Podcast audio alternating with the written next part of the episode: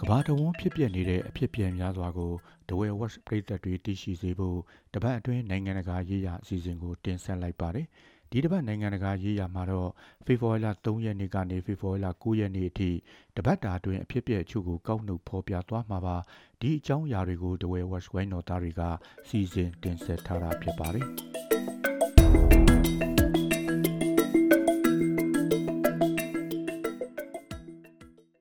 တိန်နိုင်ငံကတတိယမြောက်ချားလ်စ်ဘုရင်ကြီးချားလ်စ်ဘုရင်ကင်ဆာရောဂါတစ်မျိုးဖြစ်ပွားနေကြောင်းဆေးစစ်သိရှိရပြီးတဲ့နောက်စတင်ကုသမှုခံယူနေပြီလို့သိရပါတယ်။အသက်85နှစ်အရွယ်ရှိတဲ့ဘုရင်ကြီးရဲ့ကင်ဆာရောဂါအကြောင်းကိုဘာကင်ဟမ်နန်းတော်ကဖေဖော်ဝါရီလ9ရက်ရက်စွဲနဲ့ကြေညာချက်ထုတ်ပြန်ခဲ့တာပါ။ဒီကင်ဆာကချားလ်စ်ဘုရင်တလောကပဲစီးစစ်ခဲ့တဲ့စီးကျိတ်ကိစ္စဆေးကုသမှုခံခဲ့တာနဲ့မဆိုင်ပါဘူး။ ဘရင်ကြီးမှာတွေ့ရတာကင်ဆာဘာအမျိုးအစားလဲဆိုတာလဲပြောမထားပါဘူးအရင်လကချားစ်ဘရင်ကိုစီးကျိတ်ရောင်နေလို့ဆေးကုသမှုလုပ်တာမှာစစ်ဆေးကြည့်ရမယ့်အခြေအနေတွေ့လို့စစ်ဆေးကြည့်တာကနေအခုလိုကင်ဆာရောဂါကိုတွေ့ရှိခဲ့တာဖြစ်တယ်လို့ကြေညာထားတာဖြစ်ပါတယ်ပုံမှန်ဆေးကုသမှုယူသွားရမှာဖြစ်ပြီးဆေးကုသမှုခံယူနေတဲ့အတော်အတွင်းမှာတော့လူထုနဲ့တွေးဆုံမှုတွေရပ်နားထားဖို့လိုနေတာပါ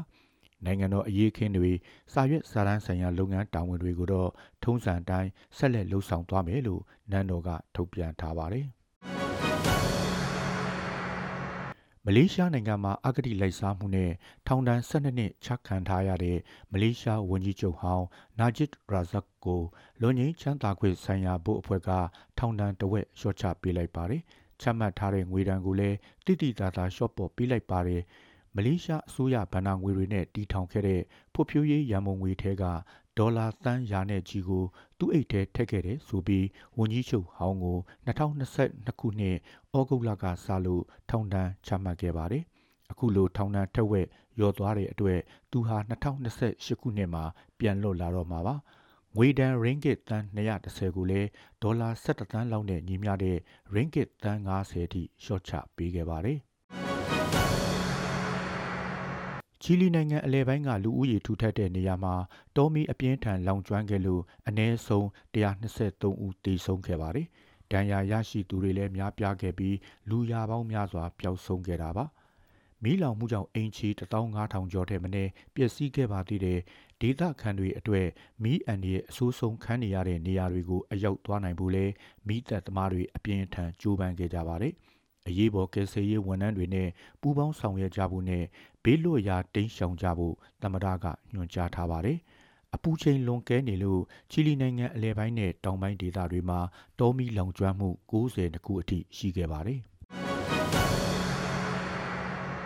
ဩစတြေးလျနိုင်ငံသားခံယူထားတဲ့တရုတ်စာရေးဆရာတဦးကိုတရုတ်နိုင်ငံမှာဆိုင်းငံ့တည်တံစီရင်ချက်ချမှတ်လိုက်ခံလိုက်ရပါတယ်။ ဒါကိုဩစတြေးလျအစိုးရကဖေဖော်ဝါရီလ9ရက်နေ့ကပြောကြားလိုက်တာပါယန်ဂျွန်လို့ခေါ်တဲ့စာရေးဆရာကိုတရှိုလုံမှုဆွဆွဲခြင်းနဲ့ပြီးခဲ့တဲ့2019ခုနှစ်ကတည်းကဖမ်းဆီးခဲ့ပါတယ်။ဆိုင်းငံ့ဒေတန်စီရင်ချက်ကိုနှစ်နှစ်ကြာတဲ့အခါတသက်တကြုံအဖြစ်ပြောင်းလဲသတ်မှတ်မယ်လို့မျှော်လင့်ရတယ်လို့နိုင်ငံခြားရေးဝန်ကြီးဝမ်ဝင်ဘင်းကပြောပါတယ်။ ဩစတြေးလျအစိုးရကတော့တရားမျှတမှုအခြေခံစံတွေရှိဖို့မျှမျှတတဆောင်ရွက်ဖို့နဲ့စာနာမှုရှိရှိဆက်ဆံဖို့ထပ်တလဲလဲတောင်းဆိုထားပါတယ်။အမေရိကန်ပြည်ထောင်စုဝါရှင်တန်ပြည်နယ်ဘယ်လ်ဗျူးမြို့ကကွယ်လွန်သူတူရဲ့နေအိမ်မှာစစ်အေးခေတ်ကာလကနျူကလ িয়ার ထိပ်ဖူးတပ်ဆင်အသုံးပြုတဲ့ဒုံးကျည်ကြီးတစ်ခုကိုတွေ့ရှိခဲ့ပါတယ်။ ဒုံးကျည်ကိုတွေ့ခဲ့လို့ပြတိုက်ကလှူဖို့ပြောတဲ့အချိန်ရဲတွေကဘုံရှင်းလင်းရေးအဖွဲ့တွေနဲ့လာရောက်ရှင်းလင်းခဲ့တာပါဒီဒုံးကျည်ဟာ Douglas L2 Genius အမျိုးအစားဖြစ်ပြီးလေယာဉ်ကနေဝင်ဟင်ပစ်နိုင်ဖို့ပက်ထိန်မပါတဲ့နျူကလ িয়ার ထိပ်ဖူးကိုတပ်ဆင်အသုံးပြုဖို့တိစောက်ထားတာဖြစ်ပါတယ်။တွေ့ရှိချိန်မှာတော့နျူကလ িয়ার ထိပ်ဖူးလည်းတပ်ဆင်မထားသလိုဒုံးကျည်ထဲလောင်စာစီလည်းရှိမနေခဲ့ပါဘူး။ လာမယ့်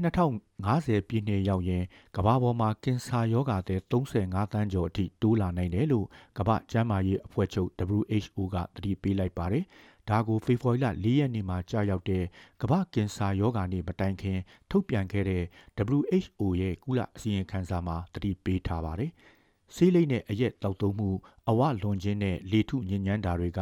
ကင်ဆာဖြစ်ပွားရတဲ့အဓိကအကြောင်းရင်းတွေလို့ဆိုထားပါတယ်။ 2022ခုနှစ်စည်ရင်အရတကဘာလုံးကင်ဆာဝေဒနာသည်တန်း20လောက်ရှိနေခဲ့ပါတယ်။အဲ့ဒီထဲမှာကင်ဆာကြောင့်တည်ဆုံးနေတာ9.8တန်းလောက်ရှိတယ်လို့ဆိုပါတယ်။အမျိုးသားရောအမျိုးသမီးတွေမှာပါအဖြစ်များလာနေတာကတော့ဥမာကြီးနဲ့စအိုးကင်ဆာတွေဖြစ်တယ်လို့ကင်ဆာကျွမ်းကျင်သုတေသနပညာရှင်တူကထောက်ပြထားပါတယ်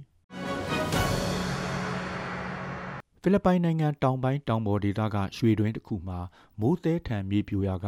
လူ12ဦးထက်မနည်းသေဆုံးပြီးလူ130ကျော်ပျောက်ဆုံးနေခဲ့ပါတယ်။မင်ဒါနာအိုကျွန်းကရွှေတူးဖော်တဲ့နေရာမှာဖေဖော်ဝါရီလ6ရက်နေ့ညဘက်အချိန်မြေပြိုမှုဖြစ်ပွားခဲ့တာပါ။မြေပြိုခဲ့လို့နေအိမ်တွေဘတ်စကားတွေပျက်စီးခဲ့တယ်လို့အိမ်ထောင်စုပေါင်း1100ကျော်ကိုလည်းဘေးလွတ်ရာပြောင်းရွှေ့ထားရပါတယ်။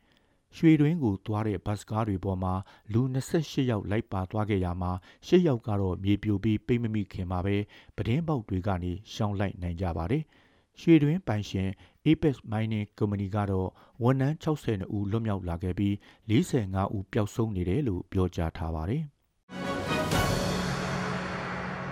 ပါကစ္စတန်နိုင်ငံအနောက်တောင်ပိုင်းဘလူချီစတန်ပြည်နယ်မှာရွေးကောက်ပွဲရုံးတွေကိုပြစ်မှတ်ထားတိုက်ခတ်တဲ့ဘုံပေါက်ကွဲမှုနှစ်ခုကြောင့်အနည်းဆုံးလူ28ဦးသေဆုံးပြီးဒါဇင်နဲ့ချီဒဏ်ရာရရှိခဲ့ပါတယ်။ပါကစ္စတန်နိုင်ငံမှာရွေးကောက်ပွဲတွေကျင်းပဖို့ရှိနေချိန်ပစ်ရှင်နဲ့ကီလာဆာအီဖူလာခရိုင်ကပောက်ကွဲမှုတွေကြောင့်လုံခြုံရေးအတွက်စိုးရိမ်နေကြတာပါ ပြီးခဲ့တဲ့အပတ်ကလည်းဘလူချီစတန်ကတခြားခရိုင်တစ်ခုမှာ ရွေးကောက်ပွဲစီယုံရေးလှုပ်ရှားမှုထဲ ပောက်ကွဲမှုဖြစ်ခဲ့လို့ လူ9ဦးသေဆုံးခဲ့ရပါသေးတယ် ဒါပေမဲ့လည်း ဖေဖော်ဝါရီလ10ရက်နေ့မှာတော့ လုံခြုံရေးတွေ တိုးမြင့်ချထားခဲ့ပြီး ရွေးကောက်ပွဲကို ကျင်းပနိုင်ခဲ့ပါတယ်